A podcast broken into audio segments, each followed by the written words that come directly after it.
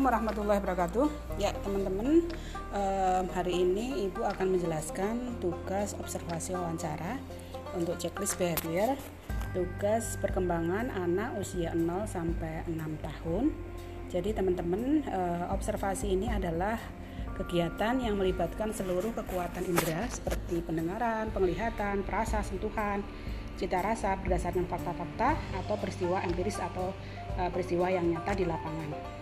Nah, ini observasi ini dilakukan jadi teman-teman uh, mengobservasi uh, seorang ibu yang punya anak usia 0 sampai 6 tahun. Nah, nanti dipilih aja usianya ya. Pilih yang uh, masih uh, sangat bayi, bayi atau dia sudah mendekati 6 tahun atau di tengah-tengahnya ya. Jadi teman-teman nanti mengobservasi tetapi juga mewawancara. Nah, untuk itu ada beberapa etika yang perlu di apa namanya e, dilakukan sebelum melakukan wawancara. Yang pertama adalah meminta izin kepada subjek atau informan. Ya, jadi apakah ibu bersedia, apakah orang tua bersedia untuk menjadi uh, me, apa, menjadi subjek kita, ya? Karena ini adalah tugas. Jelaskan aja, ini adalah tugas dari mata kuliah tertentu. Oke. Kemudian yang kedua, teman-teman harus membawa kredibilitas, yaitu siapa sih diri kita? Kita orang terpelajar, kita punya bahasa yang ada sopan santun gitu ya. Kemudian janjian untuk jamnya, kesediaannya kapan gitu ya. Nah, itu adalah kredibilitas kita. Jadi kemampuan kita untuk berhubungan dengan orang lain ya.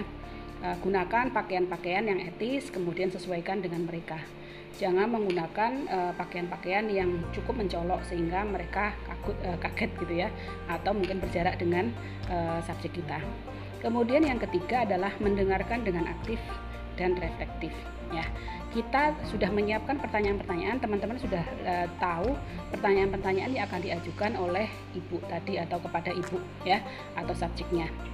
Nah, mendengarkan sekaligus untuk merefleksikan kira-kira uh, apakah ada yang tidak dipahami bisa ditanyakan ulang ya. Kemudian yang keempat kita harus menghormati informan atau subjek ya jadi di tengah-tengah ketika mereka cukup repot kemudian ada jeda minta izin untuk berhenti ya harus berhenti gitu ya. Bu tolong bu beberapa pertanyaan lagi gitu ya. Jadi uh, silahkan berhenti sesuai eh, itu adalah etika kita harus menghormati dia. Kalau memang uh, waktunya sangat sempit ya nanti gitu ya tunggu sampai uh, beliau bersedia. Kemudian yang kelima adalah mencurahkan konsentrasi dan tenaga kita dalam wawancara ya jadi e, minta izin untuk direkam atau ditulis ya seperti itu. Konsentrasi kira-kira apa yang diucapkan yang diungkapkan menggambarkan seperti apa. Kalau teman-teman tidak e, bisa datang langsung ke rumah atau di satu tempat maka bisa video call. Nah itu bisa juga di, dilihat dari ekspresi ketika menjelaskan apa yang ditanya kemudian yang terakhir adalah rasa ingin tahu yang besar kita sebagai orang yang ingin tahu tentang apa tugas perkembangan 0 sampai 6 tahun ini kita harus tahu dong apa yang akan kita tanyakan gitu ya Nah, ada beberapa hal yang penting. Jadi teman-teman nanti e, menanyakan tentu ya perkenalan, kemudian nama, usia, anak itu punya saudara atau tidak, gitu tempat tinggalnya di mana. Boleh ya nanti Bu, nanti namanya akan kita samarkan gitu ya. Pekerjaannya apa, kondisi lingkungan seperti apa gitu ya.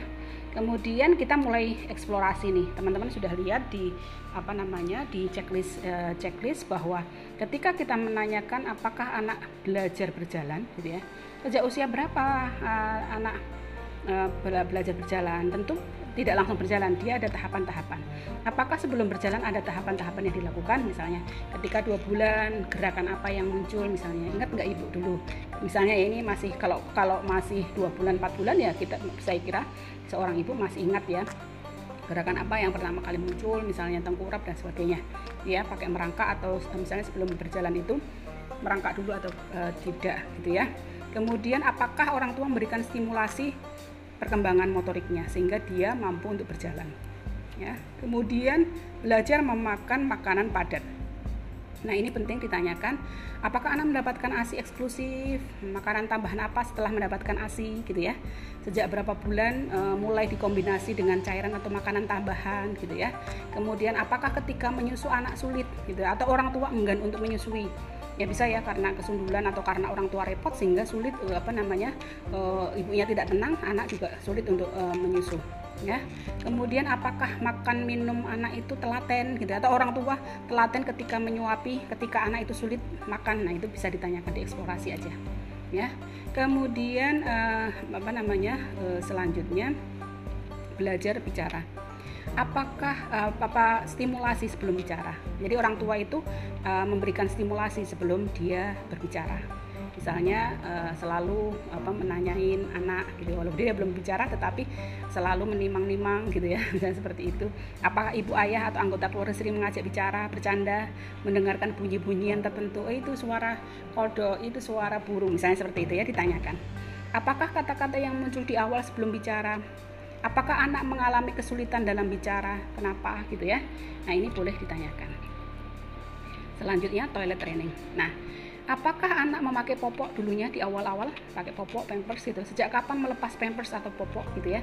Kemudian bagaimana orang tua mengajari cara atau tata cara BAB BAK di kamar mandi apakah ada apa apakah ada kesulitan ketika mengajari toilet training gitu ya?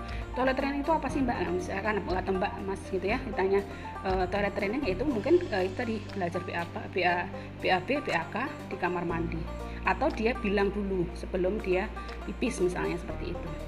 Ya jadi dijelaskan toilet tata cara gitu ya.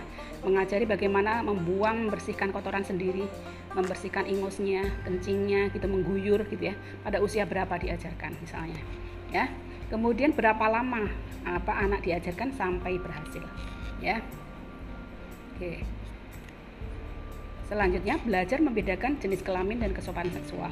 Bagaimana orang tua mengajarkan anak tentang perbedaan jenis kelamin, ya laki-laki dan perempuan. Apakah ada panggilan sayang untuk anak laki-laki atau anak perempuan di rumah, gitu ya? Uh, apakah anak memakai pakaian apa baju sesuai dengan jenis kelaminnya? Pakai celana, pakai baju yang manis, misalnya seperti itu Kemudian apakah orang tua memberikan pujian pada anak e, berkaitan dengan gender gitu ya, laki dan perempuan gitu ya. E, kemudian e, mencapai stabilitas fisik, apakah anak diberikan nutrisi yang cukup? Apakah fisik anak semakin hari bertambah semakin bagus gitu ya? Apakah nutrisi e, yang biasa diberikan gitu ya? Dari dulu sampai sekarang sama aja gitu misalnya atau berbeda ada perubahan-perubahan. Kemudian apakah anak terlihat sehat dan kuat? Nah, nanti bisa diobservasi karena ini bukan pertanyaan tapi lebih ke uh, observasi. Dilihat ya cuma kelihatan ya anak sehat dan anak yang lemah gitu ya. Kemudian belajar membentuk konsep sederhana mengenai kenyataan sosial dan fisik. Apakah anak diajarkan tentang kondisi sosial atau relasi dengan orang lain? Misalnya saudara ada ayah ada ibu kakak adik kakek nenek tetangga itu diajari konsep-konsep yang seperti itu. Apakah perbedaannya? Misalnya seperti itu Kemudian belajar berhubungan secara emosional dengan orang tua, saudara, dan orang lain. Apakah anak dekat dengan orang tua atau saudara? Apakah anak berkomunikasi dengan baik orang tua atau saudara? Apakah anak menunjukkan rasa sayang pada orang tua atau saudara? Ya, ini e, kedekatan secara emosional. Apakah anak mengekspresikan rasa sayang orang tua? Ini pasti ya. Kebiasaannya seperti apa, Bu? Kalau misalnya manggil ayah atau ibu. Kalau dia ingin meminta sesuatu misalnya gitu ya. Jadi boleh teman-teman tidak terpaku pada pertanyaan ini. Yang terpenting adalah itu berkaitan dengan e, poin yaitu berhubungan secara emosional. Kemudian uh, belajar membedakan benar dan salah menggunakan naluri ya. Apakah orang tua pengasuh atau boleh ya pengasuhnya menjelaskan mana yang baik atau yang benar, perilaku yang salah yang seperti apa? Apakah orang tua membiasakan perilaku yang benar atau melarang perilaku yang salah? Itu juga menegur seperti itu. Ada teguran tertentu misalnya. Apakah orang tua menjelaskan pada anak saat berperilaku salah? kemudian uh, menjelaskan juga perilaku mana yang benar misalnya seperti itu. Ya. Jadi saya kira itu ya poin-poin yang bisa dieksplorasi uh, dari tugas observasi uh, wawancara atau melihat perilaku-perilaku yang muncul dari tugas perkembangan anak 0 sampai 6 tahun. Ya terima kasih